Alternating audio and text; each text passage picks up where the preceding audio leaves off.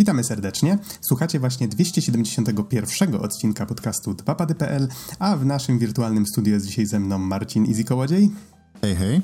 A mówi Adam Noxa 15 Dębski. Nagrywamy w środę 24 lipca 2019 i jak zwykle będziemy mówić o grach nowszych, starszych, chociaż głównie z tego co widzę będą to tytuły... Mm, Raczej tegoroczne. A, przepraszam, nie, nie do końca.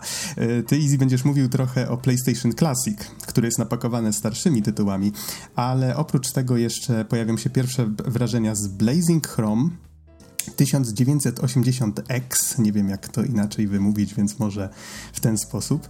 E, co, co ciekawe, ok, gry nowe, ale bardzo nawiązujące do klasyki, natomiast jeszcze później będą dwie recenzje i będzie to twoja recenzja Easy gry Just Shapes and Beats oraz recenzja, na której pojawi się jeszcze Don i razem ze mną będzie recenzował A Plague Tale Innocence, o którym już e, mówiłem w ramach pierwszych wrażeń wcześniej. Dobrze, to powiedz mi, zaczniemy chyba od tego PlayStation Classic, co nie? Y, spoko, pewnie możemy. Y, to w sumie, co mogę tak naprawdę powiedzieć o PlayStation Classic? Tak naprawdę to, to są takie bardzo wstępne wrażenia. Niestety nie miałem zbyt dużo czasu, żeby się skupić na, na PlayStation Classicu, za którego w ogóle bardzo dziękuję wszystkim, którzy się do tego przyczynili, bo to był prezent urodzinowy. I, i, i, I to, co chcę powiedzieć, to na pewno y, bardzo miło się zaskoczyłem. Może, może nawet nie tyle zaskoczyłem, co po prostu jak zobaczyłem to pudełko, y, jak rozpakowywałem to pudełko i właśnie wyciągałem po kolei wszystkie elementy, to sobie stwierdziłem, o, Sony, co jak co, ale Sony potrafi pakować sprzęt. Nie? Mm -hmm. I, to, I to jest świetne, że właśnie wyciąga wszystko po kolei, co nie, to fajnie wszystko zapakowane, osobno jest nawet specjalna, specjalnie osobno w, w worku foliowym instrukcja, która jest taka y, pożółknięta nieco, tak jakby właśnie, żeby dodać takiego retro klimatu.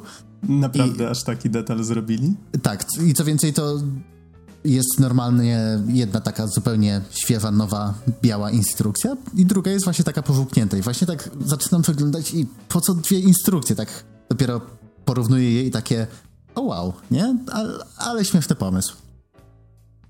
I y, sam sprzęt y, wydaje się być bardzo solidny. Szkoda, że niestety pady to nie są DualShocki, tylko to są te pierwsze, y, pierwsze soniacza wypady, więc niestety nie mamy gałek analogowych i innych takich. Jednak wszystko wydaje się być naprawdę mega solidne, fajne dbanie o szczegóły, te wszystkie przyciski rzeczywiście oczywiście mają pozmieniane funkcje, ale, y, ale działają. Y, same wtyczki USB odpadów to rzeczywiście tak jak takie mniejsze wersje tych wtyczek PSX-owych. Nie no, jest naprawdę, sam, sam sprzęt jest mega fajny, świetnie się prezentuje i no jest banalnie prosty do podłączenia. W sensie bierzemy kabel HDMI, podpinamy. Jedyne, czego nie ma w zestawie, to zasilacz. Dostajemy kabel USB oczywiście, ale potrzebujemy do niego zasilacz dosłownie tak jak ładowarka, e, ładowarka USB telefonowa. I dopiero po wpięciu tego do kontaktu możemy sobie odpalić i rzeczywiście wbijamy, mamy 20 gier do wyboru i e, szczerze mówiąc nie pograłem zbyt dużo z nich i pomimo tego, że nie grałem we wszystkie, to już mogę się przyczepić, że niestety w naszej wersji, w sensie tam na e, Stany Zjednoczone, w sensie na, na Amerykę, na region PAL, i tam y, Azję południowo, y, południowo-wschodnią. Y, nie ma Parasite Eve, który jest w Japonii, na Tajwanie i w Hongkongu. I, i... Czyli, przepraszam, że ci przerwę, czyli ile jest tych różnych wersji? Bo wymieniłeś tutaj kilka, ale tak jakby zbiłe się w jedno. tak, to są dwie wersje. Właśnie Japonia, Tajwan i Hongkong dostały trochę inną listę gier. W sensie mają Ark Dilat, jedynkę i dwójkę Armored Cora, E, i takich, których nie ma tam e, Gradius Gaiden e, i Parasite Eve właśnie między innymi, ale tak naprawdę gier jest tyle samo, tylko minimalnie się różni line-up. Wydaje mi się, że to kwestia po pierwsze jakichś tam praw do własności intelektualnej może w przypadku samego Parasite Eve'a, chociaż szczerze mówiąc nie jestem pewny, z Parasitive'em to w ogóle mówiliśmy już na recenzji, śmieszna, całkiem niedawno zresztą, śmieszna sprawa była taka, że ta gra oficjalnie nie miała premiery w Europie. Tak jest. Więc, Więc całkiem no. możliwe, że o to się rozbijało, chociaż mm -hmm. ostatnio znowu e, składali o przedłużenie czy założenie tak jakby no właśnie, coś, e, coś takiego było. Zarejestrowanie ale... nazwy. O, mm -hmm, ale nic z tego na razie nie wyniknęło. Ciekaw jestem, czy to tak. Co, co, co się będzie z tym działo. No dobrze, a powiedz mi, czy te, te wszystkie problemy z emulacją, o których, bo ten sprzęt, sprzęt oczywiście emuluje te gry. Tak. Y i już w, na premierę, a z tego co widzę na wiki, to było 3 grudnia 2018 w zeszłym roku, pod koniec, to już wtedy właśnie była mowa o tym, że ta emulacja nie jest idealna, że mimo wszystko na PC da się emulować na różnych emulatorach dużo lepiej te gry. To znaczy, wiesz, to, że mhm. na PC da się emulować lepiej, to nie dziwota, nie? Bo jednak PC to są dużo mocniejsze sprzęty, a tutaj mamy miniaturową płytkę, która jest zamknięta w, po prostu w łatym plastiku. Więc nie ma się zupełnie co dziwić, ale prawda, dalej, dalej PlayStation Classic korzysta z emulatora Blim, Y, I na właśnie tym układzie wbudowanym jest taki y, może, może nie hula najlepiej, chociaż tak jak mówię, nie grałem w sporo gierek, przede wszystkim w Ridge Racerze to widać, że, że no jest po prostu średnio, y, ale tak jak grałem chwilę w inne gry, najwięcej w Kurufi, tudzież w Intelligent Cube, to grało się bardzo przyjemnie. W sensie rzeczywiście bierzemy, odpalamy grę, jest cały ten intro sequence z Playa jedynki, wszystkie te dźwięki, gdzie po prostu o, ciary na plecach nie przechodzą, mm -hmm. jak, ten, jak, jak to słyszysz i tak jak mówię, to jest mega wygodne. Przyciskasz, odpalasz, śmiga. Y, do tego jeszcze jest całkiem y, pokaźna y, scena emulatorowa właśnie związana z PlayStation Classiciem. Są dodatkowe emulatory, w sensie e, SyncBlim i AutoBlim to się chyba nazywa, gdzie tak naprawdę wystarczy nam zgrać odpowiednie pliki na y, pamięć USB, wpiąć do konsoli i możemy y, odpalać kopie zapasowe gier. Nie wiem, czy o tym do końca powinniśmy mówić, ale. Hmm. Ale inaczej. Fani znaleźli rozwiązanie na mhm. problemy w line-upie gier oraz w emulacji. I jak ładnie to ująłeś. Tak, więc jeżeli chcecie hobbystycznie o tym poczytać, to bardzo polecam wololo.net, stronę, która zajmuje się ogólnie emulacją i tak jakby odpalaniem homebrew na sprzętach, więc to nawet nie to, że czyste piracenie, co po prostu homebrew. No. Wololo, no i... Wololo.net? Tak, Wololo. Jak, jak kapłani z Age of Empires. Wololo. tak, nie da się tego z niczym pomylić, to prawda. No, no to dokładnie to. Y, I tak jak mówię, ja osobiście jestem zadowolony ze sprzętu, y, bo jest naprawdę, prezentuje się świetnie, y, wykonanie jest bardzo solidne. Myślę, że pogram na pewno na nim więcej, tylko muszę znaleźć nieco więcej czasu. Teraz, jak będę w delegacji, to właśnie zastanawiam, zastanawiam się, czy nawet nie wziąć ze sobą ze względu na prostotę właśnie obsługi podpinania wszystkiego. Mhm. No, cieszę się, że prezent ci się podoba. to, to po pierwsze. Um, to ten, fajnie, że troszeczkę opisałeś, bo w sumie nie, nie mówiliśmy chyba na podcaście więcej na, na temat tych, tego sprzętu. W ogóle ta moda na, na te klasiki jakoś nas tak ominęła do tej pory. Um, a skoro już mówimy właśnie o takich um, starszych tytułach, czy może o konsolach, na których ludzie dorastali, bo nie wiem jak było w twoim przypadku, jaka była twoja pierwsza konsola? E, wiesz co? Wydaje mi się, że ja zaczynałem grać w ogóle na PC-tach na samym początku. Potem mm -hmm. w łapska wpadł mi Pegasus, chociaż gdzieś tam u kuzynostwa grałem w jakieś. E, grałem na, e, na SNESie.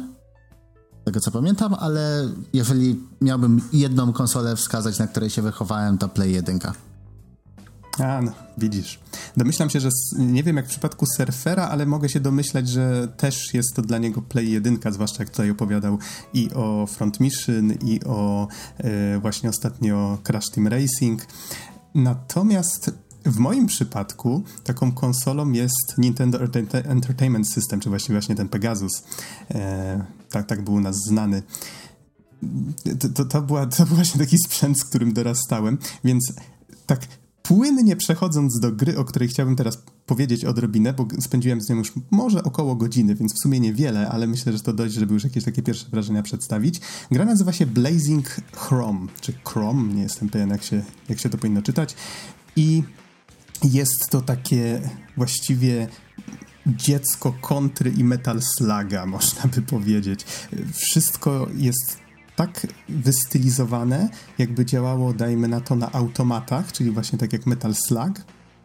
I, yy, czyli jakieś takie elementy w rodzaju no okej, okay, tak jak w kontrze, biegamy, strzelamy, y, jest taki mały tutorial na początku gry, który pozwala nam zobaczyć właśnie wszystkie te akcje, jeżeli jakimś cudem nigdy nie graliśmy w podobną grę.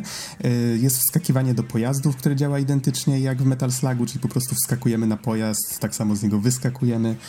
I no, wszystko, czego można by oczekiwać po takim gatunku, czyli jakaś szalona akcja, przeciwnicy wylatujący z obu stron ekranu, wszystko oczywiście na płasko, w pixel arcie, można różne filtry na to nałożyć, powiedzmy e, ekranu CRT takiego, trochę wypukłego, no wiadomo, różne takie ozdobniki, jak ktoś lubi. I do tego taka muzyka, która pasuje właśnie do, do takich klimatów. Bardzo mi się to podoba. Właściwie jest to taki, można powiedzieć, list miłosny do, do tego gatunku gier, tak? Do, do, tego, do tych gier, które są takie najbardziej znane może e, z, z tego gatunku.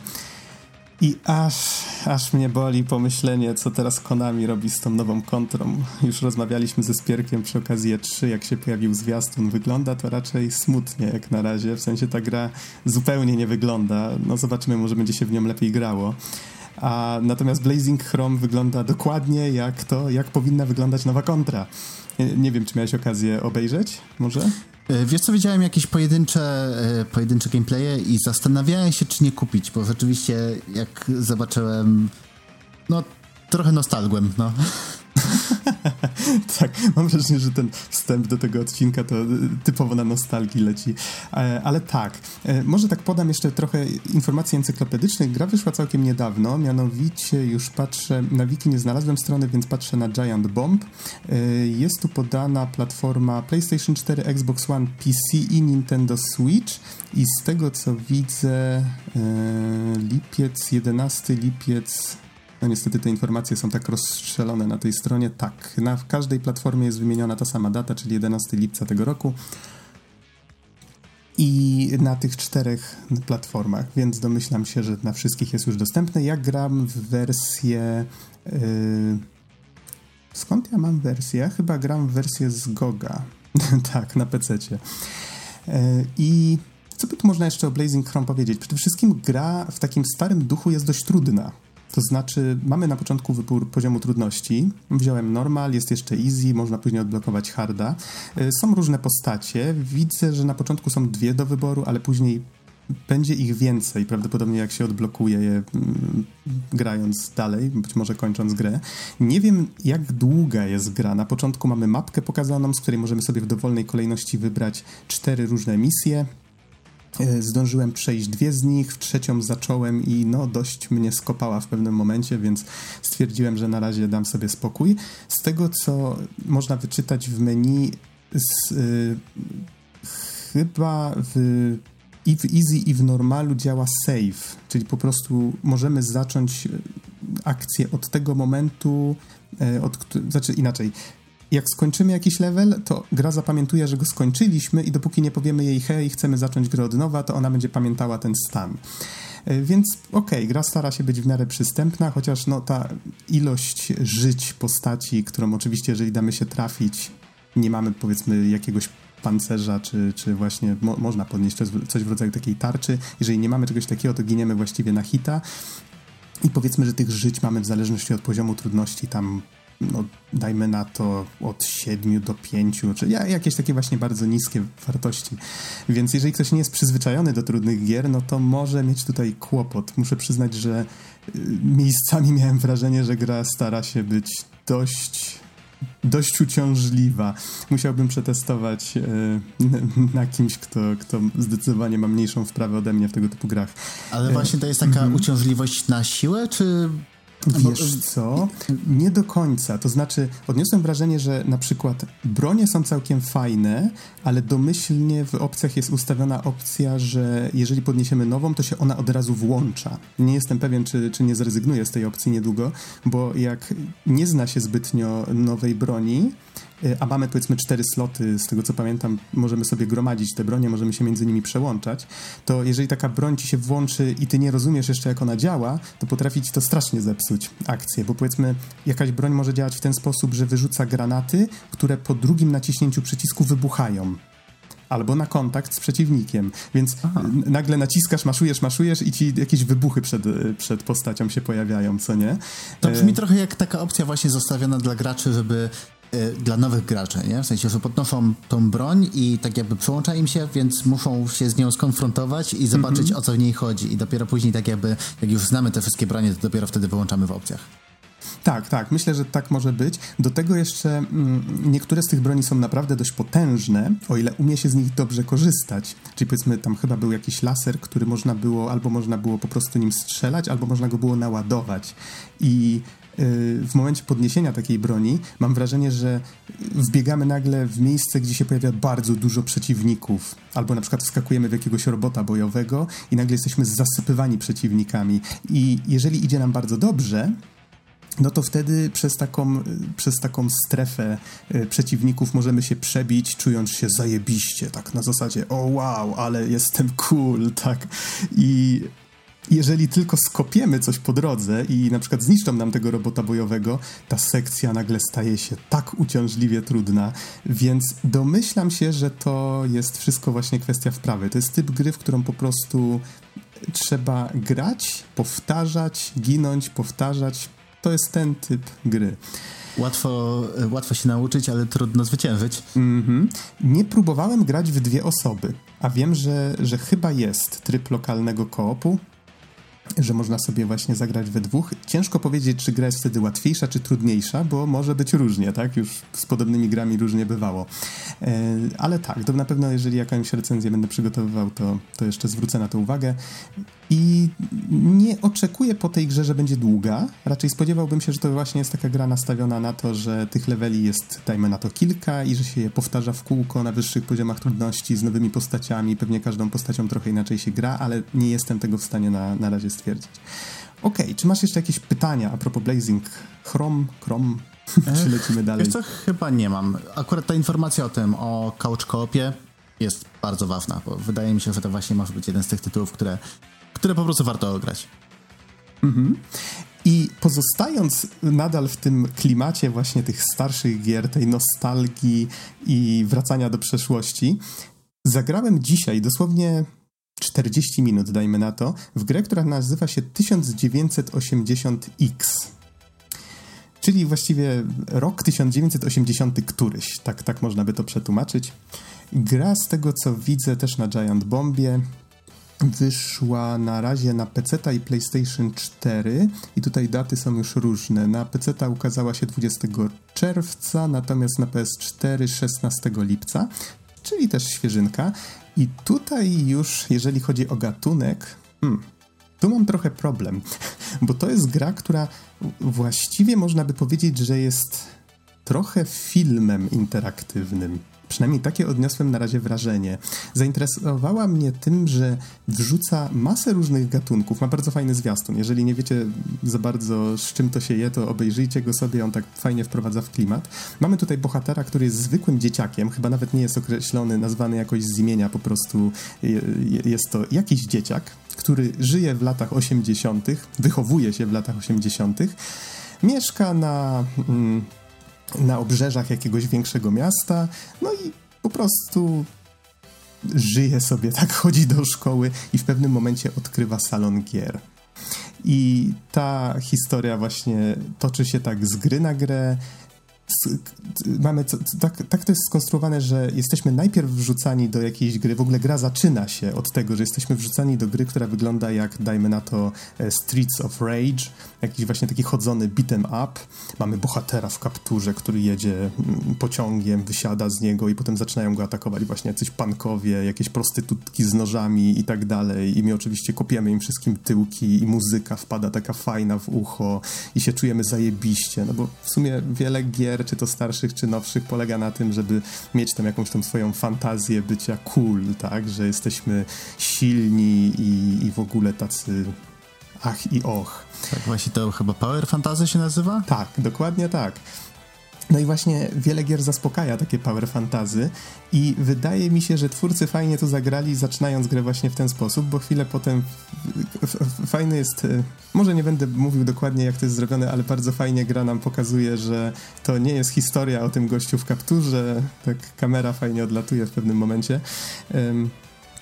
I potem właśnie przechodzimy do tej historii właściwej, czyli bohater zaczyna sobie opowiadać. Niestety nie ma napisów. Jeżeli ktoś ma problemy z angielskim, no to tutaj może być problem, bo um, wszystko jest mówione i tutaj właśnie wchodzi ta część nie, nie growa, tylko bardziej filmowa, czyli mamy takie długie ujęcia, czy to na miasto, czy właśnie na, na bohatera patrzącego przez okno i właśnie toczy się ten monolog jego. Y, I to jest fajne, tylko że jeżeli ktoś nie wie zbytnio czego się spodziewać i na przykład wolałby faktycznie pograć sobie w jakiegoś beat'em upa, tak odmurzyć się trochę, mówiąc tak y, ostro, to, to chyba nie tędy droga. Mam wrażenie, że to jest gra, która ona stara się tak rzucać w nas trochę tą nostalgią tu, nostalgią tam. Te przemyślenia tego bohatera są takie, że one w sumie, jeżeli ktoś faktycznie wychowywał się w tamtych czasach, pamięta salony gier, yy, no nie wiem, miał, miał, problemy w szkole, tego typu rzeczy, to wydaje mi się, że łatwo będzie mu utożsamić się z tym, o czym jest mowa. Ciekaw mm. jestem właśnie, jak ta historia się dalej potoczy. I właśnie fajnie, że te gry są z różnych gatunków, czyli właściwie jakiś shoot'em up się pojawił już, wyścigi, yy, właśnie czy to nawiązujące do Gradiusa, czy... Yy, kurczę, zapomniałem teraz, jak się właśnie nazywała taka gra wyścigowa, która wyglądała w ten sposób, że te, y, to tak oszukująca trójwymiar, tak by było. Kilka... Outrun? Chyba tak, chyba Outrun jeszcze może, może były jakieś inne znane tytuły. Test Drive? Być może też, akurat te drive'a nie kojarzę zbytnio, ale no jeżeli ktokolwiek był powiedzmy w latach 80., 90. w salonach gier, to domyślam się, że poczuje się tutaj jak w domu. Wszystkie te gry tutaj zostały tak fajnie zaprojektowane, ta grafika wygląda ślicznie. Na początku gry się pojawiają już napisy jakby przedstawiające twórców, to, to widać, że nad samą stroną graficzną gry pracowało sporo osób. Y, no muzycznie też brzmi to bardzo fajnie, czyli ogólnie rzecz biorąc wydaje mi się, że to jest taka fajna, nostalgiczna podróż. Domyślam się, że gra nie jest długa, raczej nie spodziewałbym się po tym czegoś długiego, tylko właśnie takiego jakiegoś zwartego, e, zwartego doświadczenia. W ogóle żal mi było tę grę wyłączać. Wiem, musieliśmy nagrywać podcast, tak ja chciałem jeszcze na moment włączyć, zobaczyć, może trochę o tym opowiedzieć i tak po tych 40 minutach stwierdziłem, że kurczę, to jest chyba jednak gra, do której powinno się przysiąść i ją po prostu skończyć. No, ale... A wiesz co, mhm. mam jeszcze jedno pytanie odnośnie, odnośnie samej tej narracji tak naprawdę. Czy to jest jakoś tak bardziej na poważnie, czy mniej na poważnie? W sensie, czy Yy, inaczej, bo z tego, co opowiadasz, właśnie różne tam, różne gatunki, różne takie klimaty, jechanie na nostalgii, to brzmi jakby to brało siebie i tą całą otoczkę na poważnie, to, to by mogła być jakaś taka dekonstrukcja i satyryczna yy, po prostu yy, no taka mm -hmm. satyra na temat tych wszystkich czasów i tego, co się wtedy działo. Wiesz co, właśnie sęk w tym, że ja odniosłem zupełnie inne wrażenie, że to nie jest satyra, że to, znaczy ciężko mi powiedzieć, nie, nie pamiętam dokładnej e, definicji satyry, ale bardziej wydaje mi się, że twórcy starają się powiedzieć właśnie taką poważną historię. W sensie te przemyślenia tego bohatera, one są takie, no, to, to jest po prostu historia o dojrzewaniu, tak? Z grami w tle taka, którą myślę, że wiele osób wychowujących się w tamtych czasach ma szansę się z nią utożsamić i domyślam się, że właśnie to była taka myśl przewodnia stojąca za, za tworzeniem tej gry. E, I może tyle na razie, no bo wydaje mi się, że po tych 40 minutach to już brzmi trochę jak recenzja, a ja nadal nie jestem pewien ani jak długa ta gra jest, e, ani właśnie e, czy warto faktycznie ją skończyć, ale na razie wydaje mi się, że jest to coś wyjątkowego. Więc być może warto się tym zainteresować. Obejrzyjcie zwiastun, jeżeli to, brzmi to dla Was dość ciekawie. I taka jedna rzecz, którą już zdążyłem zauważyć, checkpointy w tej grze polegają na tym, że jak zaczyna się nowa gra, to w sensie ten nowy tytuł, plansza tytułowa nowego tytułu, w który gramy, Incepcja, to wtedy mamy checkpoint. Czyli jeżeli przerwiemy w trakcie jakiejś gry, to po powrocie do gry musimy włączyć grę w grze od początku. Wiecie o co chodzi. Chyba. No tak. I wydaje mi się, że to tyle na temat 1980X. Rok 1980 któryś. Tak. No właśnie. To chyba możemy, chyba że masz jakieś pytania, Easy, przejść do recenzji. A mamy, przypomnę, dwie i są to recenzje najpierw gry, y, która bardziej trafi do osób lubiących gry mm, muzyczne. Jakbyś to easy określił? Just Shapes and Beats. To znaczy nie do końca muzyczna, bardziej rytmiczna. O, o rytmiczne, tego słowa mi brakowało. E, a zakończymy cały odcinek dość długą, przyznaję, rozgadaliśmy się z Donem, recenzją A Plague Tale Innocence. Zapraszamy.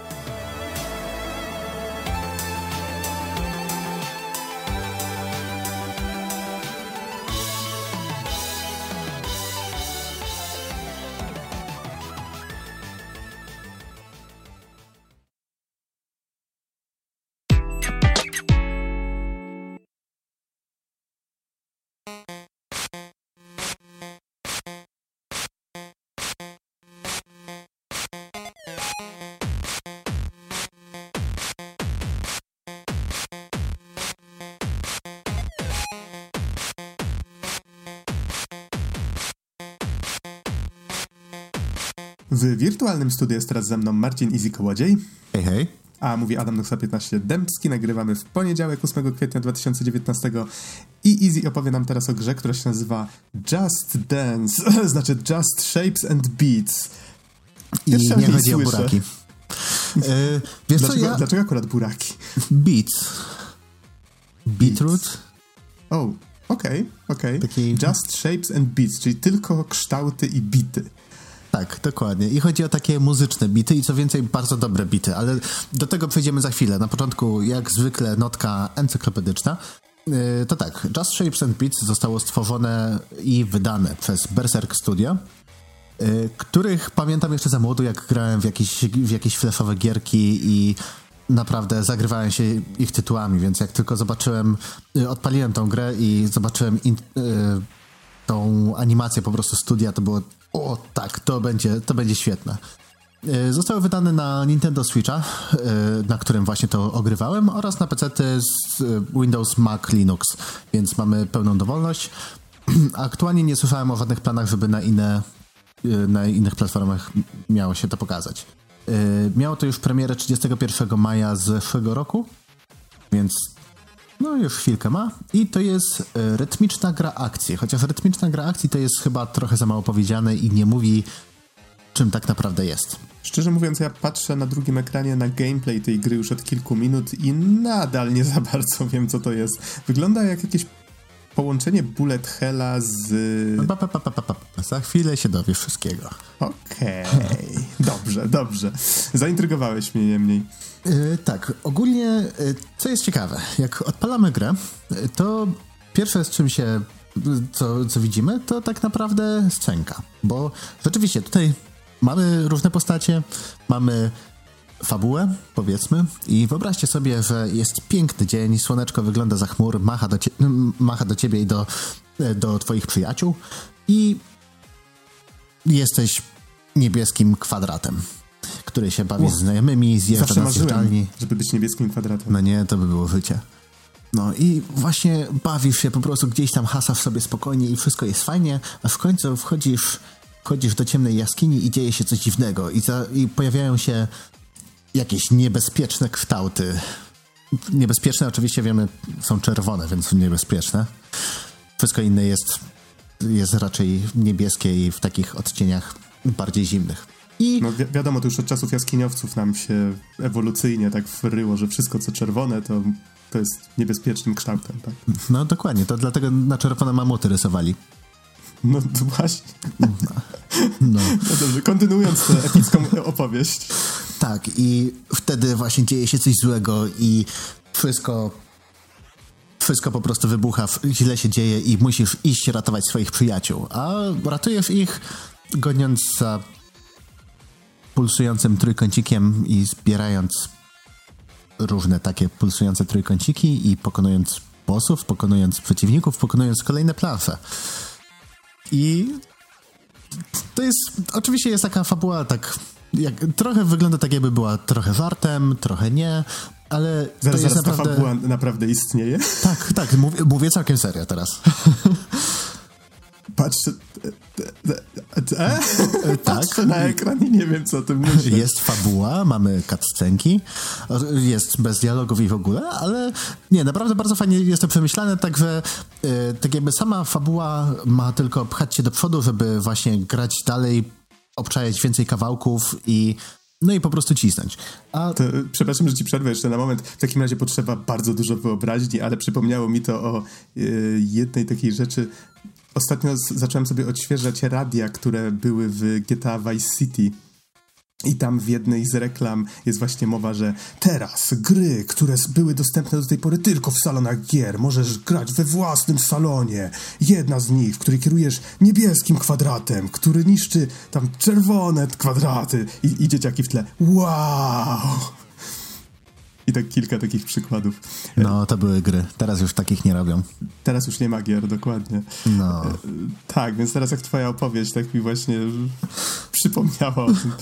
Tak, ale właśnie to jest, to jest takie mega proste. Oczywiście trochę się tam bawią konwencją, ale sam, sama historia ma tylko popychać gracza i właśnie, tak jak, tak jak mówiłem, Y, zachęcać go do po prostu ogrywania kolejnych kawałków. Jeżeli rzeczywiście to jest, to jest problem z niektórymi grami takimi rytmiczno-muzycznymi, że jeżeli nie mamy y, jakiegoś takiego nie wiem, jakiejś takiej konkretnej ścieżki, co by robić, w sensie y, często mamy zablokowane jakieś kawałki, prawda, i po prostu grając odpowiednio dużo razy odblokowujemy kolejne. Ale to jest trochę nudne i no nie zachęca aż tak bardzo. A tutaj mamy story mode, który jest mega prosty, ale bardzo fajnie wykonany i to rzeczywiście to pomogło.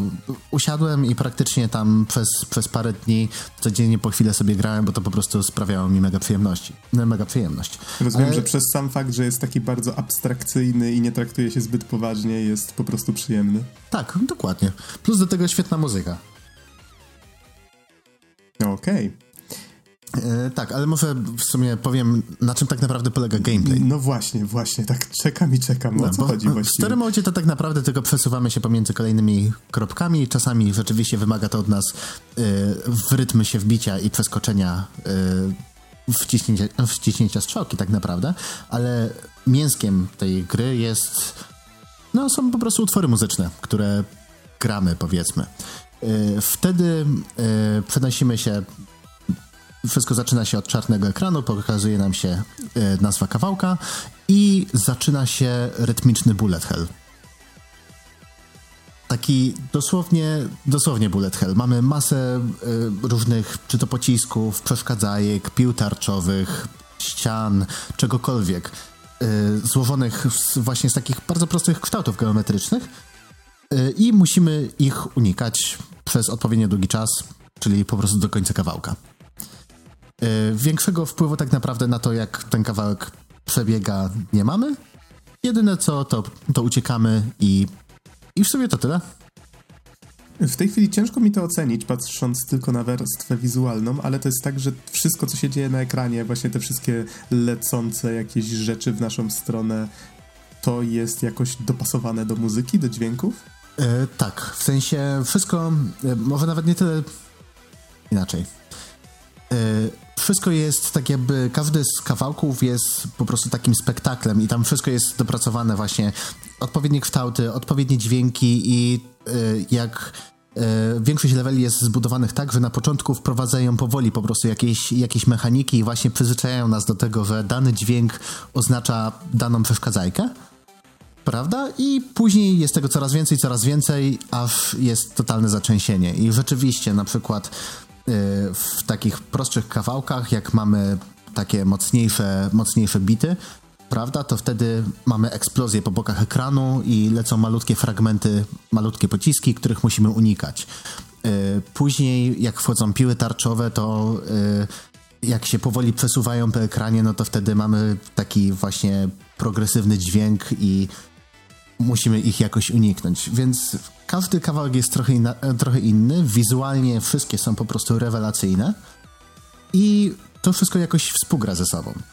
E, do tego jeszcze jest bardzo fajne sterowanie, w sensie responsywne, takie, takie, takie snappy, nie? W sensie, że yy, sterowanie nam w niczym nie przeszkadza i jest yy, mega przyjemne. Od razu po prostu dostajemy, dostajemy feedback.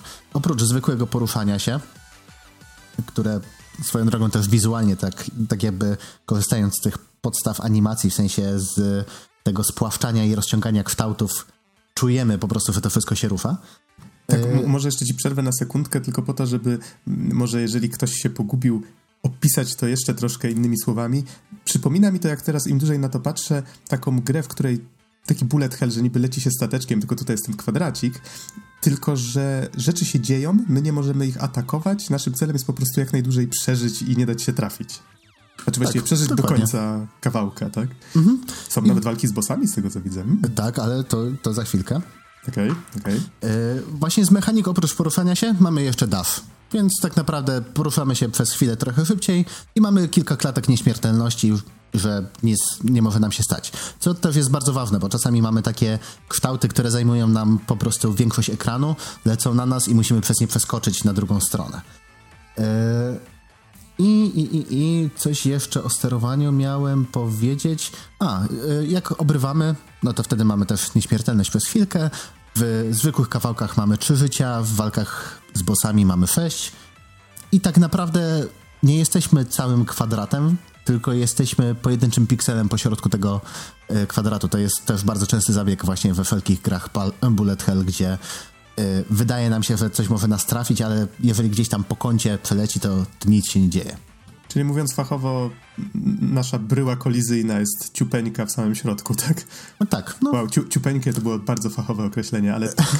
tak, y, tak naprawdę y, nasz, nasz collision box to jest pojedynczy piksel. Hmm, okej. Okay. Dosłownie. Y, I rzeczywiście mamy walki z bossami. One mm, de facto nie różnią się niczym od zwykłych kawałków tylko liczbą życia i... Są efektowne. Licz, tak, tak. Różnią się liczbą żyć, które mamy dostępne i właśnie to, że są mega efektowne. Że mamy jakiegoś takiego konkretnego przeciwnika, który jakby to powiedzieć, no, ma dużo więcej charakteru niż sporo przeciwników z takich AAA gier. Wiem, że to odważne stwierdzenie. Mm, brzmi bardzo odważnie. Ale rzeczywiście tak jakby grając w jakieś takie AAA open worldy, których ostatnio mamy masę, zaczęsienie po prostu, no nie pamiętam zbyt wielu bossów, tak żeby wywarli na mnie jakiegoś wrażenia. A tutaj w tej grze po prostu walczymy z bossami, unikamy tych ich ciosów, każdy ma jakieś inne swoje y, takie y, inne zachowania, inne mechaniki. Każdy jest po prostu na tyle charakterystyczny, że no pamiętam wszystkich. Rzeczywiście oni są są fajni. To warto, warto sobie spojrzeć właśnie na jakieś jeden, dwa poziomy e, z, z bossami, zobaczyć jak to wygląda na, na YouTubie. Jeżeli wam się spodoba to właśnie audiowizualnie, to to chwycicie to, no po prostu chwycicie. Muszę sobie później to z dźwiękiem obejrzeć, bo to tak fajnie się rozwija, że najpierw widzimy powiedzmy jakąś, um, jakiś okrąg, ten okrąg jakoś pulsuje, domyślam się, że właśnie w rytm muzyki, coś tam w ten okrąg uderza, nagle wyłania się z niego minka i, i się jakoś tak krzywo uśmiecha, a potem wyrastają jej ręce, zaczyna tymi rękoma uderzać o ziemię, jakieś fale lecą wszędzie. Więc tak Ciekawie to wygląda. Tak, właśnie ciężko, ciężko tutaj nam zrecyzować na yy, tak jakby na samym podcaście, bo to jest gra, która jest tak czysto wizualna. W sensie to trzeba zobaczyć, żeby po prostu ogarnąć o co w niej chodzi. Jest mega prosta, ale no, po prostu trzeba zobaczyć. Mhm, a przez mega prosta masz na myśli, że na przykład, bo to co tutaj widzę właśnie z tym posem, to wygląda dość trudno. W sensie gra wybacza błędy? Mówiłeś, że sześć, sześć razy można się pomylić w trakcie takiego, takiej walki, czy jak to działa? E, to tak. E, jest prosta mechanicznie, w sensie koncepcyjnie jest bardzo prosta, ale jest wymagająca. No to jest po prostu bullet hell. E, i tak, yy, oprócz tego, że mamy ileś żyć, w normalnych kawałkach mamy trzy życia, ale oprócz tego jeszcze są checkpointy co jakiś czas. I wtedy, jeżeli zginiemy, cofamy się do checkpointu i jest ok. Jak zginiemy trzy razy, to wtedy tak jakby musimy zużyć, yy, zużyć continue i cofa nas do początku kawałka. Ale wydaje mi się, że... Mm, tak naprawdę to nie jest aż tak trudne, nie jest aż tak karzące, żeby, żeby rzeczywiście się jakoś specjalnie przy tym frustrować i jest naprawdę spoko wyważone. Tak, tak mi się wydaje przynajmniej. Okej. Okay. I oprócz, oprócz grania na single możemy, mamy jeszcze ta, parę dodatkowych trybów. Mamy tryb wyzwań, gdzie po prostu mamy losowe kawałki i za każdym razem wybieramy sobie kolejny. E, tam z trzech dostępnych. I, co, e, I każdy czwarty pojedynek to jest pojedynek z bossem. Za to dostajemy punkty, jest ok. Punkty zbieramy i odblokowujemy nowe, nowe kawałki, które możemy sobie wybrać z playlisty, stworzyć sobie dowolną playlistę i po prostu pocisnąć tak w wolnym czasie. E, granie właśnie w tych trybach ma e, normal mode, gdzie możemy normalnie odblokowywać, jest normalny poziom trudności. Mamy też party mode, który daje nam trochę, trochę ułatwień pod tytułem więcej żyć. I co jest ważne, yy, możemy grać w to zarówno na multi. W sensie, jak mamy multiplayer, to wtedy po prostu mamy więcej kształtów na ekranie. W sensie, yy, same kawałki nie są trudniejsze, tylko jest po prostu więcej graczy. I potrafi się zrobić chaos. Więc nie dziwię się, że rzeczywiście tutaj y, jest ten party mode, tak żeby można było trochę luźniej sobie pograć ze znajomymi, którzy albo mogą siedzieć na kanapie obok, albo być online po drugiej stronie internetu. Czyli, jeżeli dobrze zrozumiałem, nie różni się to niczym poza tym, że po prostu drugi gracz drugim kwadratem, dajmy na to, fruwa po ekranie i po prostu robi się większy miszmasz, tak? Tak. Hmm, okay. Drugi gracz, trzeci gracz, czwarty gracz. okay, Do czterech graczy można. Zaczynam widzieć problem. E, no właśnie, przeważnie wtedy już się nie widzi problemów, bo się dostaje ataku epilepsji. czy jest to przyjemne? E, to znaczy... znaczy nie, nie atak epilepsji, tylko czy, czy faktycznie granie po sieci z ludźmi jest to przyjemne? E, szczerze mówiąc, akurat nie grałem. Nie grałem, okay. ale wydaje mi się, że mogłoby to być rzeczywiście gdzieś tam zgadać się, odpalić sobie jakiegoś Discorda, pogadać sobie ze znajomymi, pośmiać się i po prostu posłuchać dobrej muzyki. Tak naprawdę. I mm -hmm. tutaj właśnie, skoro już jesteśmy przy muzyce, to muszę powiedzieć, że to jest naprawdę bardzo dobra elektronika. E, w sensie wszystkie kawałki mają taki właśnie bardzo mocny, bardzo mocny beat, prawda? Tak, żeby to się zgrywało dobrze z samą grą i mamy też y, takie trochę przechodzące przez różne podgatunki y, muzyki elektronicznej. Mamy trochę chiptunów, mamy trochę transowych kawałków, mamy trochę takich drum and bassowych, więc jeżeli ktoś tylko lubi takie brzmienia, to na pewno się tutaj odnajdzie. I co warto tutaj, y, co warto też nadmienić, że Kawałki pochodzą sumarycznie chyba od 24 różnych artystów.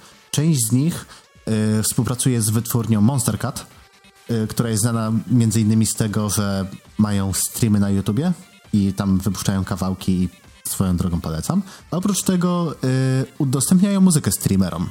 W sensie mają taką bibliotekę darmowej muzyki. Jeżeli streamujesz, to możesz jej słuchać ile chcesz na swoim streamie. O, no proszę. Ale to są kawałki, które też pochodzą właśnie z jakichś ich paczek, czy zostały specjalnie skomponowane do gry? Y, część jest z ich paczek i tam razem z twórcami właśnie, y, razem z muzykami y, deweloperzy po prostu współpracowali, żeby zrobić, zrobić tą stronę wizualną, ale też mają kilka, mają parę swoich nowych i no, jest dobra muzyka. Okej. Okay. O, o, o, stronie tej, tej wideo to już chyba mówi, mówiliśmy dostatecznie dużo. Wydaje mi się, że Warto nadmienić też o tym, że tak jak rzeczywiście potrafi być trochę epileptyczna ta oprawa wizualna. Ale za to ma całe cztery kolory. O, no panie. Nie, może ma więcej. Tak. Różne odcienie tych kolorów.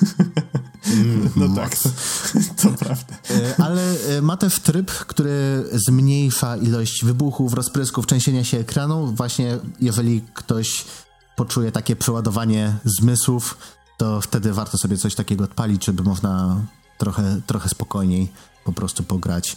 I wydaje mi się, że to jest właśnie bardzo fajny, e, bardzo fajny gest ze strony, ze strony samych, samych twórców, że udostępniają coś takiego. Z drugiej strony nie dziwię się, bo rzeczywiście czasami jak mamy wszędzie wybuchy, mamy jakieś najróżniejsze linie, które latają po ekranie, plus do tego y, powiedzmy, że mamy z, w jednym z utworów pojawiają się takie lasery, które strzelają po, przez, y, przez cały ekran. Do tego jeszcze mamy pojedyncze pociski, pociski, które wybuchają i rozpryskują się na mniejsze pociski i musimy tego wszystkiego unikać. Do tego jeszcze z takimi białymi błyskami. O nie, to jest Potrafi być tego bardzo dużo, ale y, dalej da się w tym odnaleźć jakoś. Mhm. A tak się zastanawiam jeszcze nad jedną rzeczą, bo wspominałeś, że grałeś na Switchu. Mhm. E, I różnie to już bywało z różnymi grami. Jak jest tutaj z tą stroną e, wydajnościową? E, wiesz co, większość kawałków nie ma żadnego problemu. Tak naprawdę wydaje mi się, że to akurat są takie pojedyncze czknięcia, Y, które chyba niekoniecznie są związane nawet z samymi kawałkami, bo potrafiłem po prostu grać parę, y, playlistę parunastu kawałków i wystąpiło to raz na przykład na, na przestrzeni właśnie tych kilkunastu kawałków.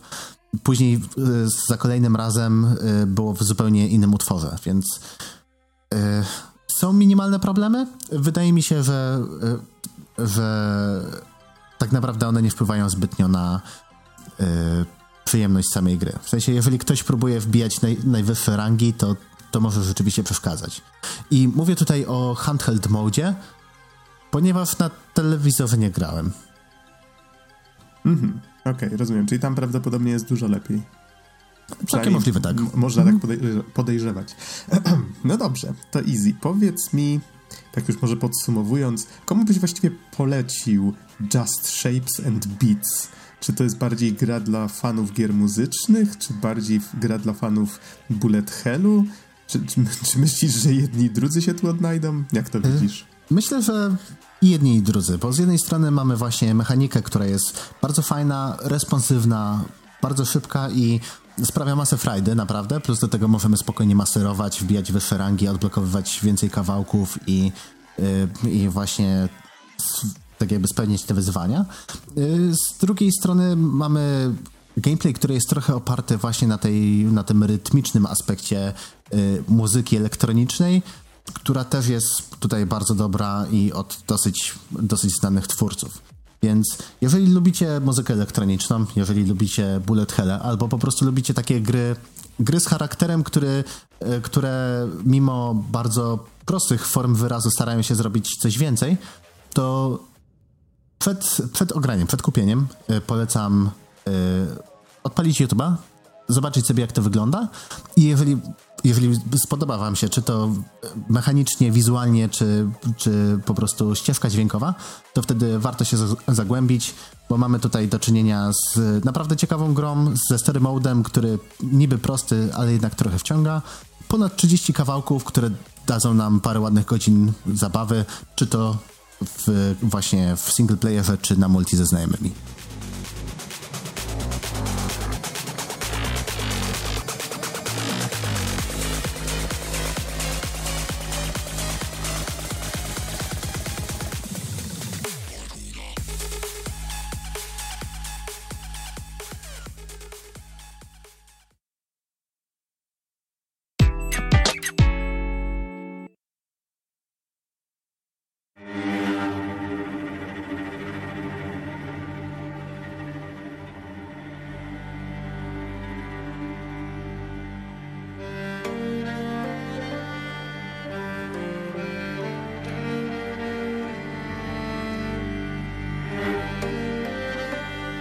W wirtualnym studiu jest teraz ze mną Bartłomiej Donsot-Tomycyk.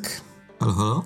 A mówi Adam Noxa 15 Dębski, nagrywamy w niedzielę 21 lipca 2019, a teraz weźmiemy na warsztat grę, która się nazywa A Plague Tale Innocence. Przypomnę, że już mówiliśmy o niej na podcaście, konkretnie opowiadałem e, o niej w ramach pierwszych wrażeń, a teraz z Donem przyjrzymy się jej trochę dokładniej. E, z tego co się orientuję, skończyłeś Don tę grę dokładnie dzisiaj, tak? Więc to będą takie świeże wrażenia tak, dokładnie. Skończyłem ją w dniu nagrywania. Zobaczymy, jak te nasze perspektywy w końcu się złożą.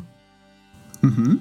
Natomiast jeżeli chodzi o takie informacje encyklopedyczne, to gra ukazała się 14 maja tego roku, więc jest dość świeża. Wyszła na PC, PlayStation 4, Xboxa One i tutaj ponownie, z tego co się orientuję, grałeś tak jak ja na PlayStation 4 Pro, czy tak? E, tak, to jest dosyć istotna informacja chyba ze, ze względów technicznych, bo podobno na PS4 standardowym były jakieś niemałe problemy z działaniem gry. Mhm. Znaczy trochę więcej powiemy o tym później. Czytałem dzisiaj artykuł od Digital Foundry, który, do którego link prawdopodobnie podamy w opisie pod podcastem, więc y, jak ktoś będzie zainteresowany szczegółami, to odsyłam tam, ale troszeczkę wspomnimy więcej na ten temat później, jak przejdziemy do oprawy. Natomiast y, jeszcze widzę, że producentem gry jest Asobo Studio. Próbowałem wygooglać, co oni wcześniej tworzyli i wydaje mi się, że to głównie były porty, jakieś takie nieduże gry, i nie jestem tego oczywiście pewien, ale mam wrażenie, że właśnie A Plague Tale jest ich takim pierwszym ambitnym projektem. E, natomiast wydawcą gry jest Focus Home Interactive. I ja tu z kolei mogę dodać, że dokładnie ta sama firma wydawała grę Call of Cthulhu The Official Video Game, która zresztą też pojawiła się na naszym podcaście. Mhm. I czym właściwie jest Plague Tale? No ja bym przede wszystkim zaczął od tego, że jest to gra dla jednego gracza, skupiająca się przede wszystkim na fabule, no a takim, gdyby próbować ją mechanicznie jakoś określić, no to jest to skradanka. Chociaż wydaje mi się, że no, jest to ważny element tej gry, tak? Ale przede wszystkim, jeżeli będziecie sięgać po A Plague Tale, to będziecie to robić właśnie po to, żeby poznać historię. I tutaj może, żeby tak trochę mm, zakreślić, um, gdzie się dzieje akcja, kiedy się dzieje akcja, jest to Francja roku 1348 i wydarzenia kręcą się wokół um, wokół plagi. Jest to wydarzenie, które jest inspirowane plagą, która naprawdę się w, w tamtym okresie w przez Europę przetoczyła. I bohaterem, a właściwie bohaterami tej historii jest rodzeństwo. Jest to Amicia i Hugo Derun. Derun to taka bogata rodzina, która, no można to poznać po tym, że w średniowieczu mają własną posiadłość, mają służbę. E, ojciec chyba, z tego co pamiętam, jest rycerzem, tak, który walczył być może tam w, w jakichś ważnych wojnach. No, w każdym... Prawdopodobnie z Anglikami. Mhm, tak, zgadza się. Więc y, widzimy, że żyją w dostatku. Brat, co prawda, żyje w odosobnieniu. Wiemy tylko, że matka bardzo, jest właśnie oczkiem w głowie matki, która stara się znaleźć. Y, odpowiedź na to, co mu dolega. To jest jakaś taka dziwna choroba. Matka jedynie uspokaja, że nie jest to zaraźliwe, ale szuka lekarstwa na to. No i trzyma tego chłopca w swoim pokoju zamkniętego. Właściwie Amisja wychowywała się raczej z dala od brata. No i nie będę mówił dokładnie, co się dzieje w prologu. Jest on bardzo fajnie nastrojowo e, poprowadzony. Niemniej rodzeństwo traci dom nad głową, są skazani tylko na siebie, muszą uciekać przed pewną śmiercią, no i właściwie wszystko wokół nich e, się wali na zasadzie świat pogrąża się w chaosie, ta plaga pod postacią szczurów, które są właściwie wszędzie, opanowuje kraj. Do tego jeszcze rodzeństwo jest ścigane nie do końca wiadomo dlaczego przez inkwizycję, przez inkwizytorów. I w ten oto sposób zagrażają nam i ludzie, którzy dodatkowo sami też się boją plagi, więc jak na przykład mm, bohaterowie trafiają do e, jakiejś wioski ogarniętej plagą, tam szczury powiedzmy, e, jeżeli kogoś, ktoś zostanie ugryziony przez szczura, to właśnie zaczyna chorować, potem prawdopodobnie umiera, więc jest to niebezpieczna choroba. Ludzie zaczynają się bać siebie nawzajem, zaczynają się bać szczurów, tak, wszystkiego, co z nimi związane. Do tego właśnie jeszcze inkwizytorzy, którzy do, do końca ich motywów nie znamy. No i właśnie jest jeszcze to zagrożenie ze strony zwierząt, czyli właśnie samych szczurów, o których jeszcze trochę więcej powiemy, ale zostali, zostały tutaj bardzo fajnie pokazane jako taka siła natury, której faktycznie trzeba się obawiać. No i myślę, że warto do tego dodać, że dialogi są naprawdę świetnie napisane. E, zarówno jeśli chodzi o interakcje pomiędzy Amisją i Hugo, ale także innymi postaciami. One, kurde, są napisane z takim zacięciem, bardzo często oddają to, kim jest ta postać, e, która mówi, jaki jest charakter, jaka jest jej motywacja i tak dalej. Więc tutaj naprawdę e, wyszło to naprawdę bardzo fajnie, więc miałem wrażenie, że mamy do czynienia z takim filmowym doświadczeniem. Oczywiście wziąwszy pod uwagę, że jest też dużo całkiem fajnie zrobionych cutscenek. Natomiast co jeszcze chciałbym e, dodać, to to, że Amisja, czyli właściwie imię głównej bohaterki, e, to wyraz pospolity z włoskiego i oznacza przyjaźń. E, myślę, że to jest takie bardzo fajne zakomunikowanie E, przez twórców, o czym właściwie ta gra jest. I tak, przed, rzeczy... nagrywaniem, przed nagrywaniem Don powiedział, czy wiesz, że jest to gra o przyjaźni? Tak, i w gruncie tak? rzeczy będę stał przy tej tezie dosyć mocno, że jest to po prostu gra o przyjaźni. E, nie tylko przyjaźni braterskiej, nie tylko przyjaźni siostrzanej, bo w gruncie rzeczy Amisja jakby bierze odpowiedzialność za swojego brata, próbuje się z nim zaprzyjaźnić, a wcześniej był dla niej niemal całkowicie obcy, bo był, był, był właściwie trzymany jakby E, przez rodziców w odosobnieniu. Więc to jest, to jest taka, e, taka sytuacja, w której e, rodzeństwo ucieka przed tym zagrożeniem i jakby są trochę nawet wysnuwane wizje niemal apokaliptyczne, wziąwszy pod uwagę działalność szczurów, inkwizycji i tego, jak ten świat cały się zmienił. E, natomiast e, jest też dosyć istotny mm, ten element, który został zakomunikowany w tytule, konkretnie innocence, niewinność w obliczu tego, co się dzieje, ale myślę, że jeszcze jakiś tam e, jakiś trend odnośnie tego poczynimy nieco dalej. Mhm. Tutaj, jeżeli chodzi o fabułę, to oczywiście niczego nie zdradzając, ale wydaje mi się, że warto wspomnieć o tym, że e, co prawda nakreśliliśmy ją tutaj i macie już jakieś jej wyobrażenie, e, niemniej w trakcie gry ona trochę zmienia swój wydźwięk, trochę mm, idzie w innym kierunku niż się początkowo wydaje i chociaż domyślam się, że dla niektórych może to być plus, no to jednak jest to tak zmiana na tyle specyficzna, że domyślam się, że no dla części osób może, części osób może się jednak nie spodobać. No nie chcę tutaj oczywiście wchodzić w nadmierne szczegóły. Tak, wydaje się, że jakby pewne rzeczy, które zostały ustalone na początku, w jakichś pierwszych kilku jakby e, tak zwanych rozdziałach gry, e, one się jakby zupełnie tracą ważność i charakter opowieści całkowicie się zmienia. E, w efekcie można powiedzieć, że długoterminowo e, to, co nas czeka w grze jest dosyć nieprzewidywalne i to jest można powiedzieć, do, dosyć duży plus. E, natomiast jednocześnie miałem takie wrażenie, że krótkoterminowo e, gra jest momentami dosyć przewidywalna. To znaczy, jeśli bohaterowie wchodzą do jakiegoś pomieszczenia, to my dokładnie będziemy wiedzieli, co się tam stanie. A e, poszczególnym bohaterom troszeczkę mnie to drażniło, bo, bo wystarczyło spojrzeć momentami na otoczenie albo tam, gdzie bohaterowie wchodzą, i już, już mieliśmy pewną koncepcję. Aha, no to pójdzie w tę stronę. Ale w każdym to jeszcze, razie... Przepraszam, że ci przerwę, ale to trochę też tak mm, ze względu na to, że te rozdziały, one mają delikatnie serialowe podejście do opowiadania historii. Czyli zawsze wiemy, że pod koniec rozdziału coś się musi takiego stać albo efektownego, albo ważnego i my zawsze czujemy, ten, kiedy ten moment być może za chwilę nadejdzie, tak? Może to z A, tego wynika. Akurat nie do końca to, niemniej, e, niemniej myślę, że uwaga jest słuszna, tak? Ta kompozycja tych rozdziałów jest, e, jest bardzo fajna i e, no utrzymuje uwagę grającego. Tam twórcy bardzo ładnie to wszystko piszą. Tylko być może momentami trochę przewidywalnie. Mhm. Okej, okay, to może powiedzmy trochę więcej na temat samej mechaniki. Ja już tutaj w pierwszych wrażeniach trochę nakreślałem, jak to wygląda. Yy, więc może, może najpierw powiem, z czym gra dość mocno się kojarzyła niektórym yy, znajomym moim, jak z nimi rozmawiałem, mianowicie z The Last of Us. Ja tak chyba w pierwszych wrażeniach wymieniłem Uncharted, gra tych samych twórców co The Last of Us, prawda? Ale akurat faktycznie The Last of Us pasuje tutaj zdecydowanie bardziej, jeżeli chciałoby się to porównywać. Przede wszystkim dlatego, że mamy tutaj duet postaci, który stara się przetrwać w jakimś nieprzyjaznym świecie.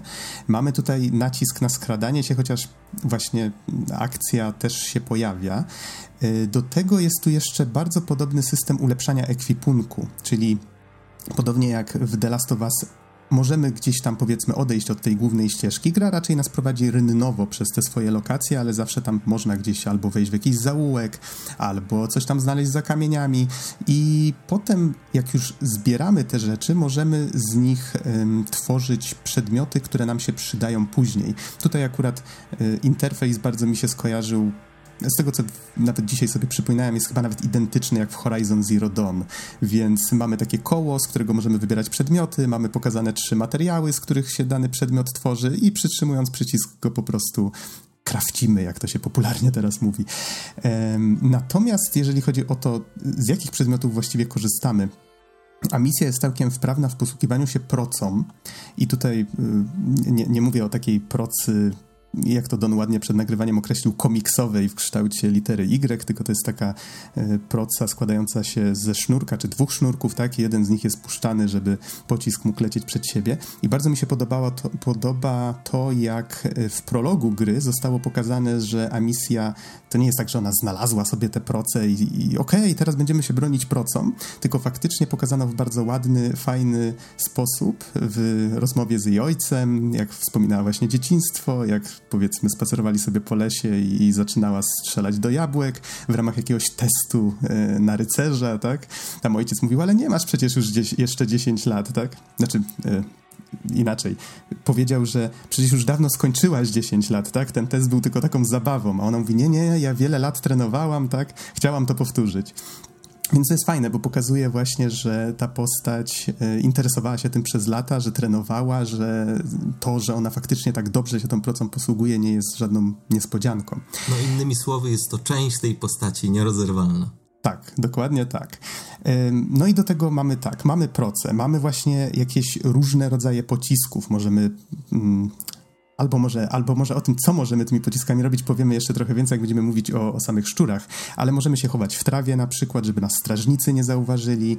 Możemy zwracać ich uwagę hałasem, czyli Tutaj samo strzelanie z procy już y, jest głośne, więc jeżeli chcemy pozostać w ukryciu, musimy na przykład zamiast używać procy po prostu rzucić kamieniem y, w jakieś powiedzmy sterta żelastwa albo, albo w jakąś zbroję, która gdzieś stoi pod ścianą. Strażnik oczywiście w taki typowo growy sposób podejdzie i hmm, hmm, hmm, co to? Hmm, hmm, hmm. A, to tylko moja wyobraźnia, tak na tej zasadzie. Więc Gameplay w dużej mierze składa się właśnie z tego, że mamy taką, taki mm, powiedzmy mały labirynt do przejścia, musimy gdzieś tam kogoś powiedzmy odwrócić jego uwagę, gdzieś mamy ścieżki tych strażników, którzy chodzą w jakiś konkretny sposób, więc y, musimy a to jednego gdzieś tam skierować w inną stronę, a to później właśnie pojawiają się szczury, które też odgrywają tutaj ważną rolę w tym skradaniu się. E, ale to może, może o tym za chwilę. E, I to, co mi się bardzo podobało, to to, że gra w fajny sposób nas informuje o tym, co się dzieje, że wokół ekranu pojawia się taka winieta, która tylko w niektórych miejscach się podświetla i w ten sposób nam mówi, że hej, po twojej lewej jest przeciwnik, albo gdzieś tam ktoś cię zauważył. I wydaje mi się, że to bardzo fajnie pokazuje, yy, co się dzieje. Gra bardzo fajnie komunikuje nam właśnie, co, jest w naszym bezpośrednim otoczeniu.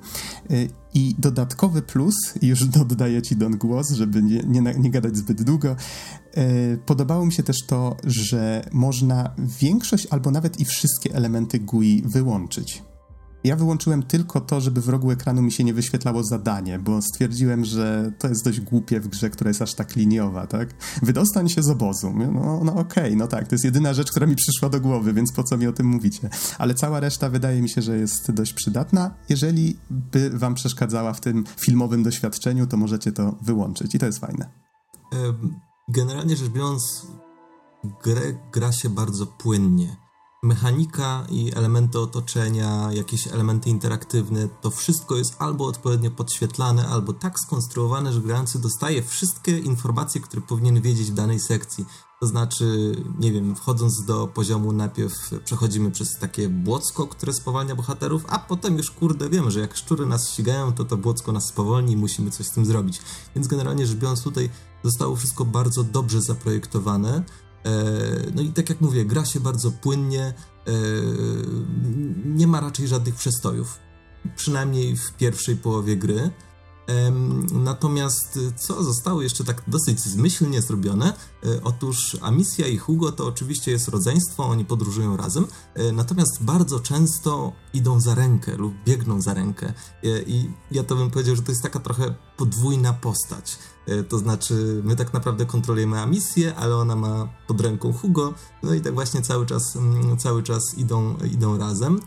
Tylko oczywiście w pewnych momentach on odchodzi albo musi gdzieś przejść, E, gdzieś się e, samemu zakraść, żeby otworzyć drzwi, bo powiedzmy misja jest zbyt wielka, ale to wszystko jest naprawdę bardzo płynnie, też bardzo fajnie zrobione. Warto dodać, że oczywiście pewnie, żeby dać grającym trochę więcej swobody interakcji, można w każdej chwili tego Hugo jakby odłączyć, czyli powiedzieć zostań tutaj, a dopiero potem przywołać go przyciskiem.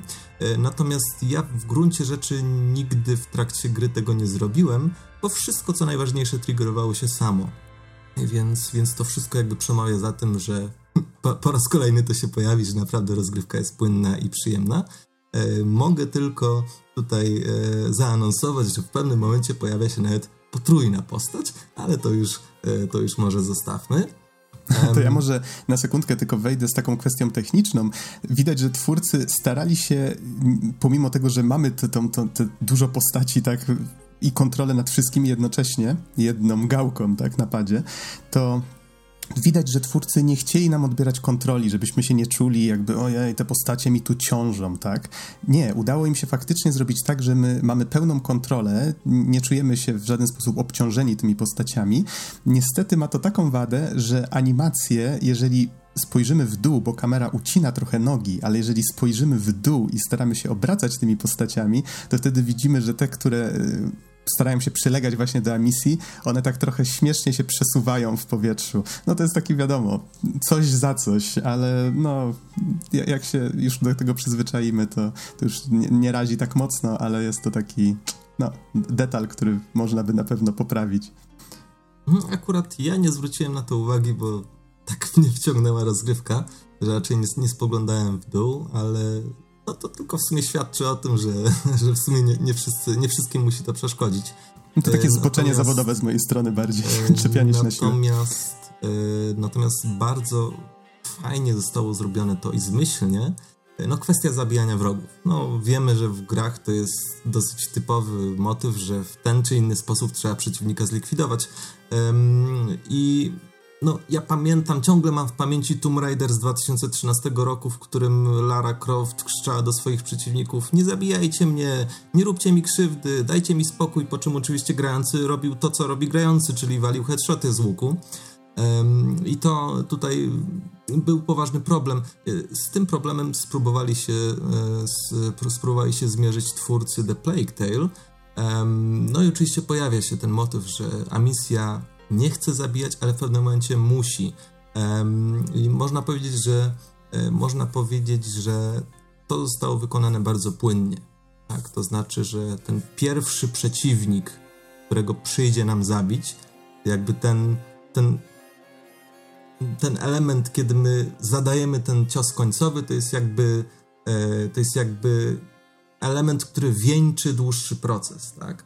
że to się nie dzieje natychmiastowo, my jesteśmy, jesteśmy nawet jest napięcie podbudowywane do tego właśnie momentu. E, ciekawie też reagują inne postaci na to. E, to znaczy, ja tu może taki, taką jedną sytuację prze, em, przytoczę. Myślę, że nie jest to jakiś spoiler, ale, ale jest to, myślę, że warto to zrobić. Ja w pewnym momencie, będąc graczem, oczywiście miałem e, na muszce procy strażnika, którego się, który się niczego nie spodziewał, no i inna postać, która była za misją, ja już mierzyłem. No i ta inna postać pyta misji, jesteś pewna? Ona odpowiedziała, nie mam wyboru. Ale ja miałem wybór. I to są takie różne subtelności, e, które zostały w grze zrobione i sprawia to, że że gra ma pewną głębię, jest bardzo zręcznie wykonana. Niektóre z tych rzeczy oczywiście pojawiały się wcześniej w grach, jak choćby właśnie to e, w Tomb Raiderze zabijanie i jakby ta niechęć zabijania, ale niektóre z nich wydaje mi się, że są stosunkowo świeże. I to zostało naprawdę świetnie wykonane. Więc tutaj wiele takich subtelności y, jest wplecionych. Y, warto jeszcze dodać wśród nich chociażby interakcje między Amisją i Hugo, y, to jak na przykład Hugo zobaczy coś w otoczeniu, nie wiem, jakieś bąbelki w wodzie, czy też żaby, więc tutaj naprawdę to zostało bardzo ładnie zrobione i zresztą wzmacnia to też rozwój relacji między Amisją i Hugo, no i tej przyjaźni, która się między nimi, między nimi wykształca troszeczkę skojarzyło mi się to z The Last Guardianem. E, chociaż muszę powiedzieć, że akurat The Last Guardian w tym sensie mnie nie przekonał. Ciebie, Nox, pewnie bardziej. Trochę tak, ale już o rany, tak dawno grałem, że to ciężko mi tutaj porównywać, szczerze mówiąc. Za to trochę inna rzecz teraz mi się nasunęła, mianowicie jak tutaj właśnie mówisz o tym e, zabijaniu, że nie chce zabijać, ale musi, miałem dokładnie te same odczucia, zrobiono to naprawdę dobrze. Co prawda, faktycznie w pewnym momencie gry już pojawia się ta, wraca ta taka graczowa znieczulica, nazwijmy to w cudzysłowie. Czyli... Ale to też, też warto powiedzieć, że bohaterowie są już jakby na to przygotowani. Tak, właśnie do, do tego zmierzałem, że, yy, że, że, to też jest już właśnie pewien proces, tak? że my przechodzimy ten proces razem z bohaterami i byłem naprawdę zaskoczony, że przez długą część gry faktycznie starałem się unikać zabijania tych strażników, że czułem się nieswojo robiąc to, że czułem, że to nie jest właściwa droga, tak? Tak podświadomie. To nie jest droga Jedi. To nie jest droga Jedi, dokładnie tak. Niemniej... Hmm. No i to, to, co jakby z tego wynika też, być może, to to, że przynajmniej przez, przez dość sporą część gry mam wrażenie, że czujemy że mm, nie mamy przewagi, tak? Że, że, jesteśmy faktycznie dość bezbronni, mimo że możemy powiedzmy zabić kogoś, kto biegnie w naszą stronę, a jeżeli tych strażników będzie dwóch albo powiedzmy podejdzie zbyt blisko, no to jest w tym przypadku e, natychmiastowa śmierć, tak? Powiedzmy cios w głowę i, i po nas. Więc gra nie daje nam żadnych mm, sposobów na to, żeby powiedzmy wyjść z takiego starcia, e, jak, jak już zawiedzie powiedzmy radzenie sobie na odległość. Więc to jest fajne, to jest fajne i sprawia, że staramy się być ostrożni i nie idziemy jak Rambo przed siebie. Przynajmniej Niemniej nie czułem takiej potrzeby. dodać, że w pewnym momencie jednak, przynajmniej w moim przypadku, to odczucie zostało zastąpione. Po prostu, no, bohaterowie zaczęli po prostu radzić sobie jak jak inni bohaterowie innych gier. Trochę mnie to zawiodło, trochę mnie to mhm. zawiodło, ale, no ale no cóż, zmienił się troszeczkę, tak jak powiedzieliśmy, trochę się zmienił charakter opowieści. Niektórzy uznają to za wadę, inni za e, zaletę. Mhm. To może powiedzmy w końcu coś więcej na temat tych szczurów, bo one są taką istotną, e, e takim istotnym elementem i mechaniki, i właśnie samej opowieści. Mianowicie szczury w świecie gry boją się światła nie, nie tyle ognia, co po prostu światła. Czyli nawet w menu głównym zostało to bardzo fajnie zrobione, bo widzimy tak. mnóstwo szczurów, które łażą po podłodze i widzimy okno i za tym oknem przejeżdża powóz z jakąś zaczepioną latarnią i ta latarnia rzuca takie fajne e, światło na podłogę, to światło wędruje po tej podłodze i właśnie wszystkie szczury się e, rozchodzą na wszystkie strony, byle tylko nie znaleźć się w obrębie tego światła, a potem jak wóz przejeżdża, z powrotem wracają. I, I tu, wybacz, że ci się mhm. wtrącę i to jest właśnie bardzo dobry przykład na to, że twórcy szalenie dobrze manipulują informacjami, które chcą przekazać grającemu i bardzo sprawnie to robią. Już na poziomie głównego menu już wiesz, y, jaka jest jedna z najważniejszych zasad, która rządzi tym światem. To jest naprawdę mhm. kunszt. Świetnie zostało to wykonane. Tak, to prawda. No i właśnie sam jakby sposób przedstawienia tych szczurów już w, w trakcie gameplayu został, to, to, to, wygląda naprawdę bardzo fajnie, bo szczury nie pojawiają się tak od razu, ale jak już się pojawią, to to jest po prostu taki, taki żywy ocean, e, który chce nas zjeść żywcem i one się ruszają, starają się nas okrążać, gdzieś tam uciekają, wracają i jak dosłownie taka krwiożercza ciecz, można by powiedzieć. I właściwie jedyne, co nas chroni przed nimi, to jest właśnie, powiedzmy, albo jakaś latarnia, albo y, pochodnia, Pochodnie mogą być albo, albo mogą gasnąć na przykład z czasem, albo to może być właśnie jakiś, powiedzmy, jakiś grubszy kawałek drewna, który pali się długo. I twórcy się tym bawią w różny sposób. To znaczy, możemy widzieć na przykład strażnika, który patroluje e, pole bitwy na takiej zasadzie, że bitwa się już zakończyła, wszędzie są, jest masa ciał i on chodzi po prostu sobie z tą latarnią między tymi ciałami. Szczury oczywiście uciekają, a my gdzieś tam chcemy przedrzeć się po prostu przez to miejsce. Oczywiście nie wchodząc nigdzie tam, gdzie są szczury, no ale ten strażnik nam przeszkadza. Więc co możemy zrobić? Możemy użyć procy, żeby zbić mu te latarnie. No i tutaj oczywiście kolejny Hugo, nie patrz, bo tutaj ten pan zaraz zostanie zjedzony żywcem. Um, Oczywiście twórcy bawią się tym też na takiej zasadzie, że niektóre pociski pozwalają nam zapalać elementy. Dzięki temu możemy na przykład sprawić, że szczury y, nie, będą się zbliżać do jakiegoś miejsca, albo powiedzmy możemy podpalić jakiś ruchomy element, czy to wóz i, i go na przykład przepchnąć. Y, mamy też pociski, które w pewnym momencie potrafią gasić elementy, więc różne tego typu zabawy. Trzeba przyznać, że twórcy fajnie, najpierw sobie postawili właśnie kilka takich możliwości, a potem fajnie się nimi bawią przez całą resztę gry, więc to, to jest to jest całkiem fajne. No i ta technologia właśnie y, symulowania tych y, szczurów jest bardzo fajna, chociaż jedyne, co mnie tak trochę uderzyło i być może też jest to takie zboczenie zawodowe, umówmy się, to jest właśnie ta matematyczna dokładność, z jaką te szczury unikają światła. Czyli ja, ja widzę dokładnie ten okrąg dookoła, którego one tak najpierw się poruszają realistycznie, faktycznie, trójwymiarowe modele, świecące ślepia, tysiące takich ślepi, tak, bardzo fajnie to wygląda, wszystko ruchome, więc domyślam się, że jeżeli ktoś faktycznie, nie wiem, ma jakiś taki w prawdziwym życiu lęk przed szczurami czy innymi tego typu zwierzętami, to no, może to na niego zadziałać dość mocno, wyobrażam sobie.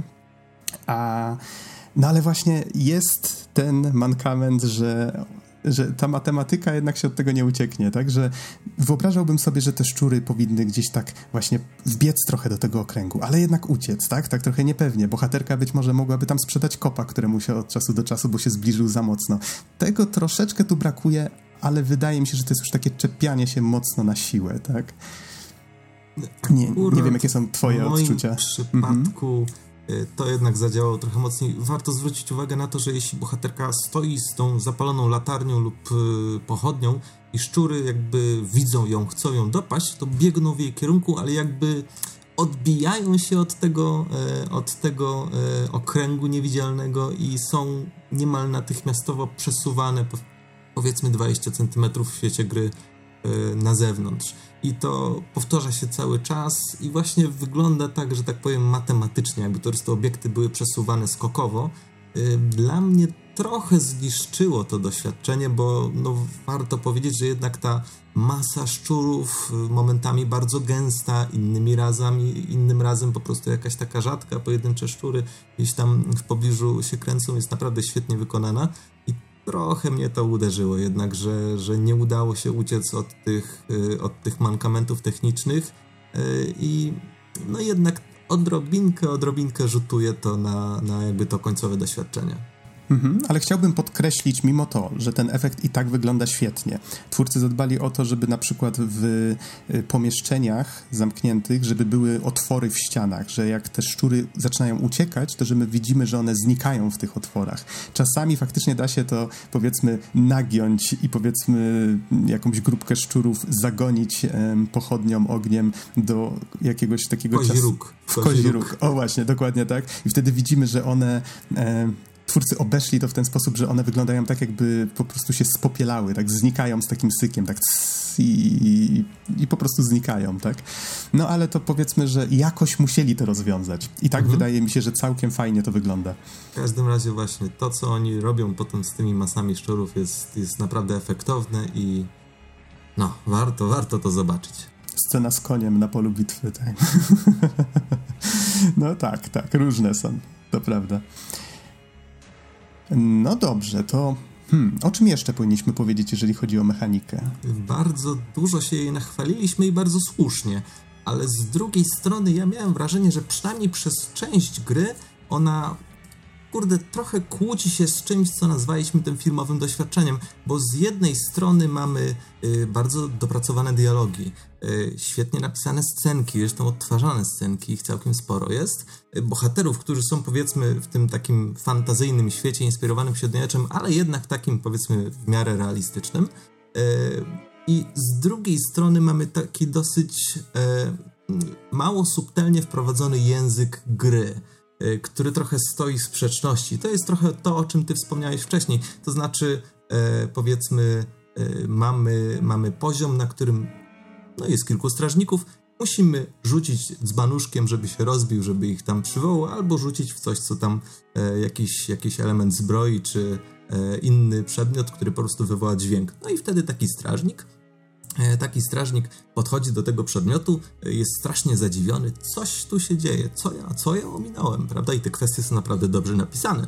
Są napisane nawet z takim, z takim zacięciem, że są godne lepszej sprawy niż obserwowanie miejsca, w którym padł dzbanuszek. E, w każdym razie, w każdym razie jest wiele takich, czy to drobniejszych, czy to bardziej rażących sytuacji, w których właśnie ten język gry stoi trochę w sprzeczności z tym, co, co przeżywają bohaterowie na, na linii fabularnej, czyli powiedzmy na, na przykład przed chwilą wyszli z pomieszczenia, w którym jest bardzo niebezpiecznie i są strażnicy, no i nagle zaczynają mówić normalnym głosem.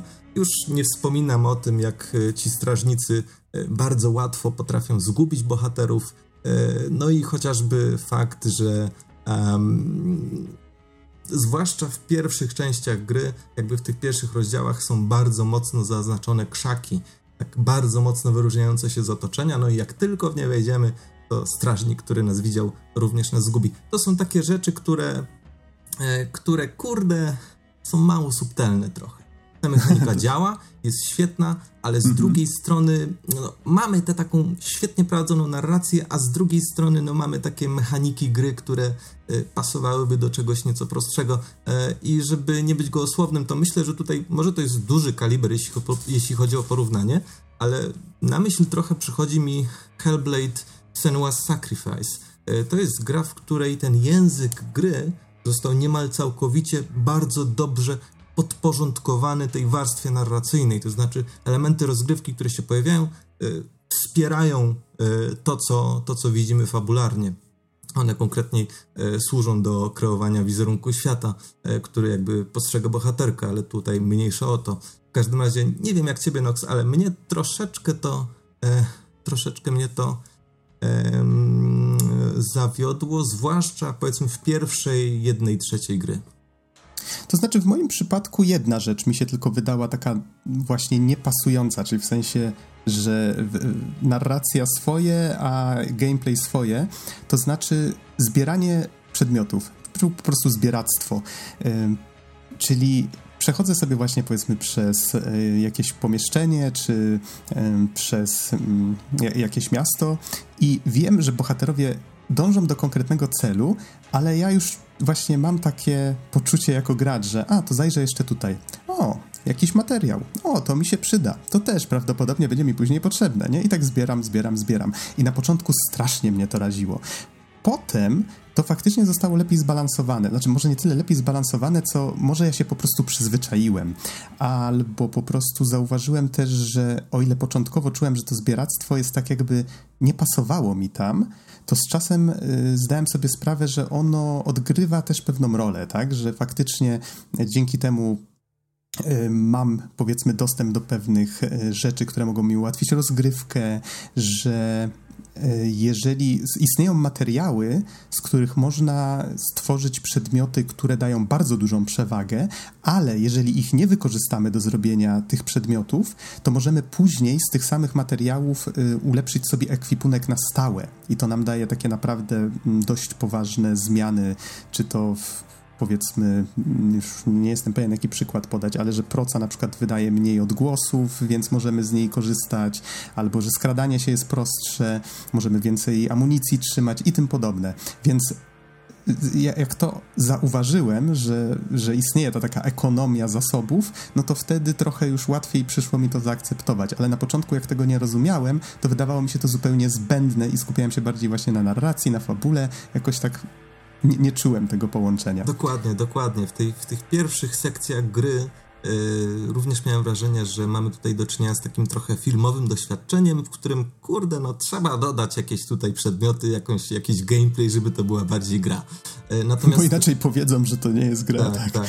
Natomiast yy, warto podkreślić, że mniej więcej już tak mniej więcej w połowie gry i, pod, i dalej ten jakby y, akcenty są inaczej rozłożone. Ten balans narracja rozgrywka się zmienia i grający bardzo często staje przed jakby coraz wyraźniej zarysowanymi, e, że tak powiem, problemami czysto gameplayowymi, tak? Czyli powiedzmy mamy kilku strażników w pomieszczeniu, trzeba jakoś się przekraść, trzeba poradzić sobie, że powiedzmy jeden ma hełm, drugi ma lampę i chodzi pomiędzy szczurami i tak dalej, i tak dalej, więc tutaj więc tutaj ten, te akcenty się zmieniają i to działa dobrze. Wtedy jakby jesteśmy bardziej skłonni zaakceptować tę pewną konwencję wynikającą z języka gry i, i, pogodzić to z narracją, bo jakby w pierwszych częściach gry to naprawdę, e, naprawdę no wręcz stoi w sprzeczności ze sobą.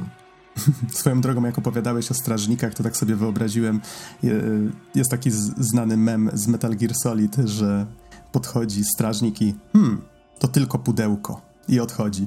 No oczywiście Solid Snake w swoim sławnym pudełku, a tutaj mógłby podchodzić i hmm, to tylko zboże i odchodzi. E, a już tak kończąc może o mechanice i, innych tego typu rzeczach, jeżeli chodzi o same znajdźki, to może wspomnę, że są tu też takie mm, niesłużące do krawcenia, czyli powiedzmy e, Hugo jest wielkim fanem, chciałem powiedzieć, wielbicielem kwiatów, może tak, zna się na kwiatach, jeżeli znajdzie jakiś e, właśnie nietypowy, rosnący w jakimś widocznym miejscu, to wtedy podbiega do niego i to jest traktowane jako znajdźka, on nam tam opowiada właśnie, że o, ten kwiatek symbolizuje to i tamto, z reguły wkłada go właśnie siostrze we włosy, więc jest to całkiem fajny pomysł. Do tego czasami możemy znaleźć jakieś przedmioty codziennego użytku, czy to różaniec, czy e, chyba przyprawy na przykład w domu rodzinnym. Pamiętam, że Amisja właśnie w spiżarni zwróciła uwagę chyba na cynamon, że e, że ojciec jak zwykle będzie chciał do, do, wszystkiego sypać cynamon, tak? Więc matka tutaj ukryła te przyprawy. Sam fakt, że oni mieli dostęp do cynamonu, to już musiał świadczyć chyba o zamożności wtedy. E, niemniej, mm, no, to tyle, jeżeli chodzi o znajdźki. Jedyna rzecz, na którą chciałbym zwrócić uwagę, to to, że niektóre checkpointy wydaje mi się, że mogłyby być lepiej przemyślane w grze. Czasami były miejsca, gdzie ginąłem i potem musiałem ponownie wysłuchać jakąś rozmowę albo, albo wziąć udział w czymś, co już teoretycznie można by tam uciąć i powiedzmy zrobić ten checkpoint później. No ale to jest taki już detal. E, przejdźmy może do oprawy. Już trochę żeśmy mówili na temat różnych kwestii, czy to powiedzmy animacji i tym podobnych. Wydaje mi się, że najważniejsze, o czym powinniśmy powiedzieć, to to, że gra chodzi na autorskim silniku. Nie jest to Unity, nie jest to Unreal, to jest po prostu technologia napisana przez y, twórców. Wygląda naprawdę dobrze wizualnie. Do tego mieli prawdopodobnie dzięki temu pełną kontrolę właśnie nad tym, y, jak silnik współpracuje z tą technologią, która obsługuje te szczury i ich zachowanie. Y, wyczytałem w artykule Digital Foundry, że ponoć do 5000 szczurów jednocześnie na ekranie może się znajdować w trakcie gameplayu. E, do tego. No właśnie tutaj mówiliśmy już o tych takich drobnych sztuczkach, które twórcy musieli zastosować, żeby to wszystko mogło działać z tym właśnie spopielaniem się w narożnikach i tym podobne. E, niemniej z technicznych rzeczy Wyczytałem jeszcze w tym artykule, że na PS4 Pro, czyli akurat wersję, którą graliśmy, i na Xboxie One X gra trzyma ponoć stabilne 30 klatek. W bazowych wersjach konsol już ponoć jest trochę gorzej, czyli powiedzmy spada czasami do około 20, kilku, 25, tak? E, natomiast istnieje też wersja PC, no, w której można sobie ustawić oczywiście wszystko na ultra i ponoć wygląda to bardzo ładnie. E, w grze jest dużo fajnych efektów, między innymi światło wolumetryczne bardzo ładnie jest wykorzystywane, więc Wydaje mi się, że pecetowcy nie mają też na co narzekać.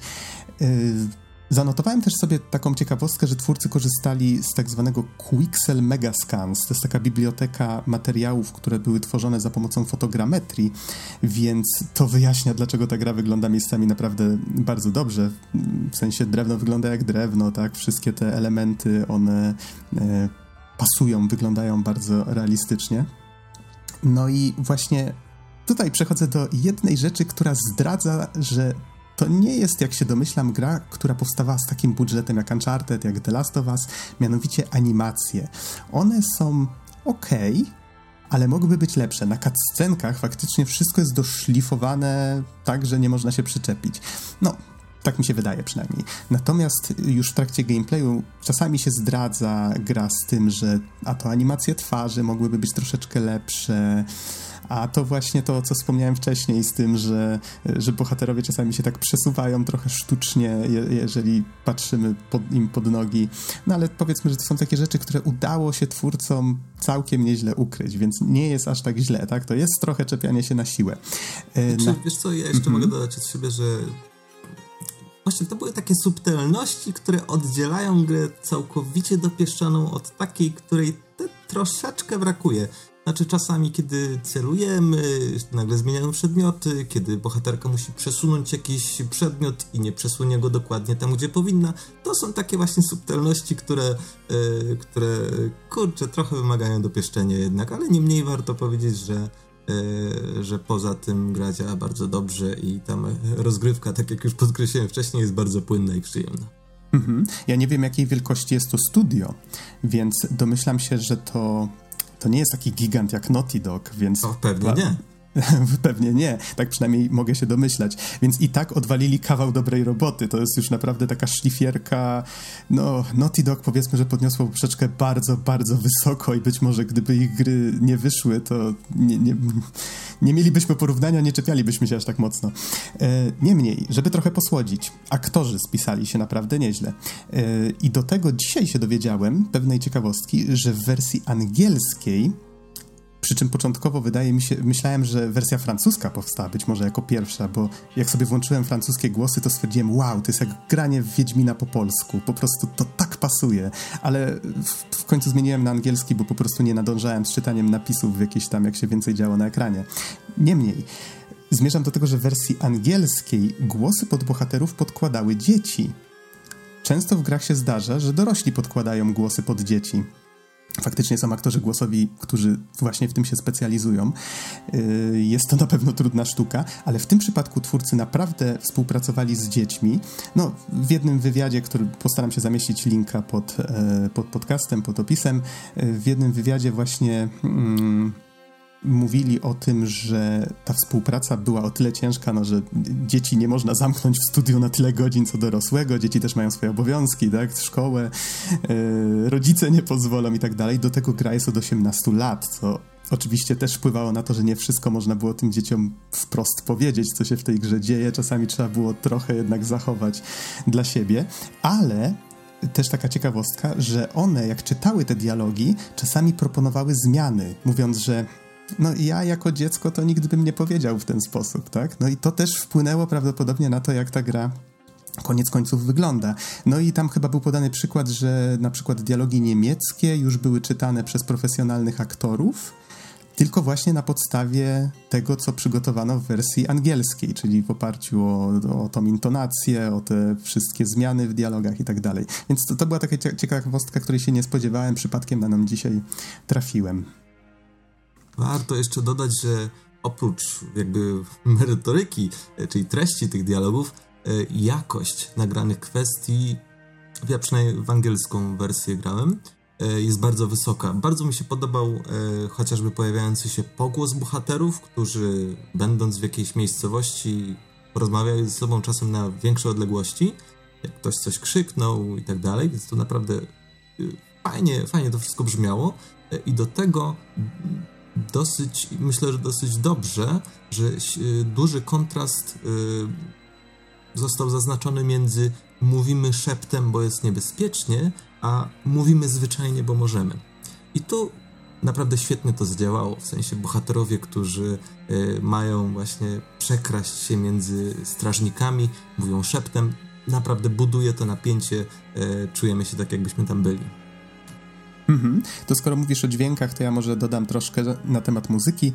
Y, zaskoczyło mnie to, że kompozytorem jest Olivier Derivière. Nie jestem pewien, czy czytam to dobrze, jestem fatalny z francuskiego, y, a domyślam się, że to jest francuskie nazwisko. I y, ja pamiętam, że recenzowałem kiedyś grę, która się nazywa Remember Me na podcaście. Się okazuje, że on on e, komponował muzykę do tej gry. Mało tego, w tej chwili pracuje z Polakami i tworzy muzykę do Dying Light 2. o czym też nie wiedziałem. Więc wyczytałem dzisiaj kilka takich właśnie fajnych ciekawostek. A jeżeli chodzi o muzykę właśnie w A Plague Tale, to wydaje mi się, że takie spokojniejsze utwory, które też się pojawiają, one są bardziej inspirowane epoką, instrumentami, tak przynajmniej się domyślam.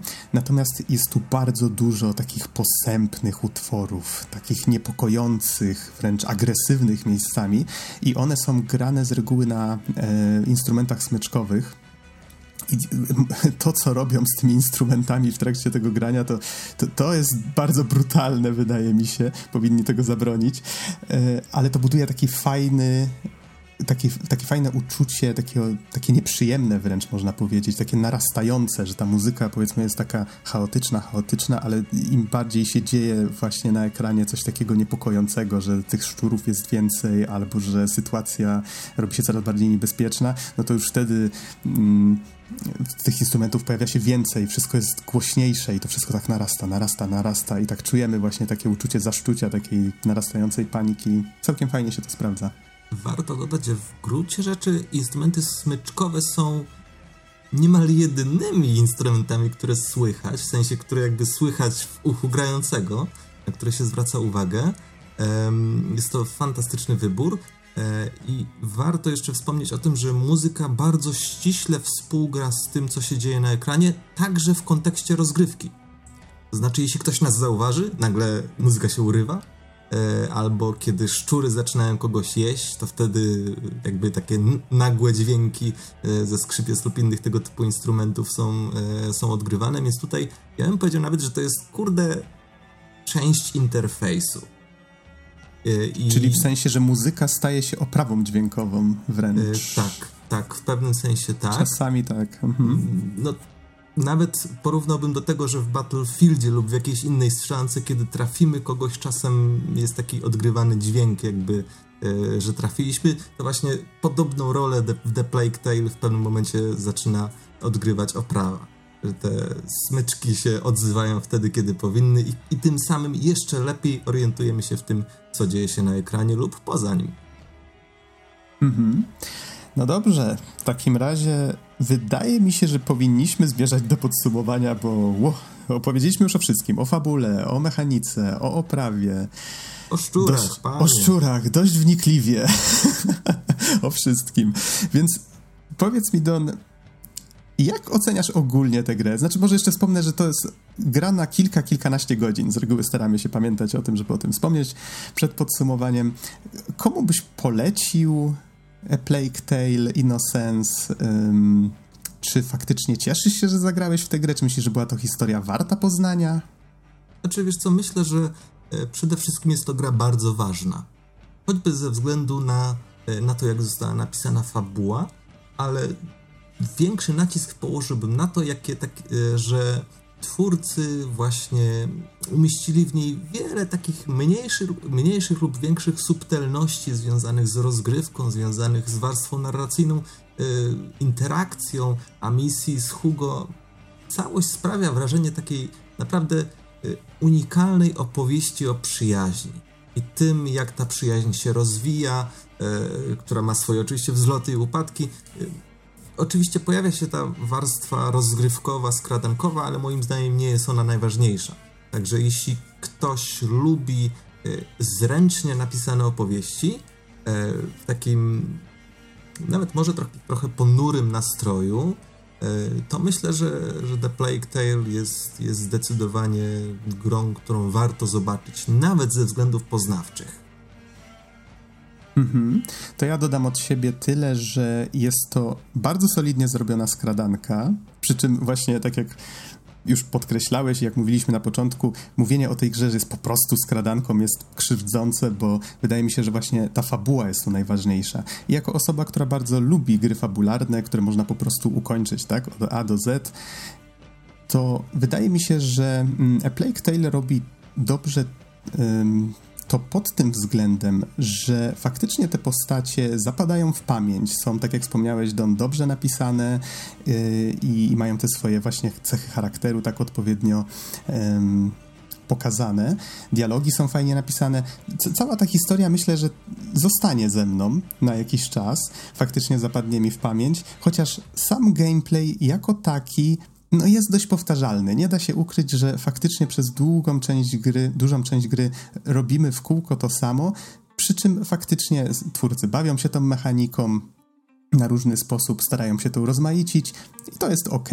Wydaje mi się, że gameplay jest fajny, ale być może niektórym się wyda trochę żmudny, tak? Natomiast jeżeli chodzi o samą fabułę, wydaje mi się, że warto ją poznać. Jeżeli będziecie mieli taką okazję, to jak najbardziej polecam.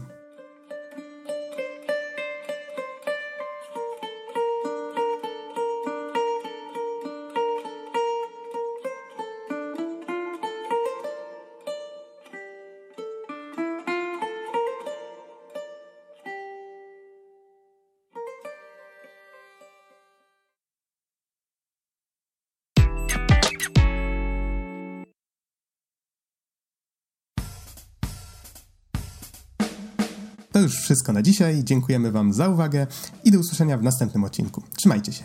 Hej, hej.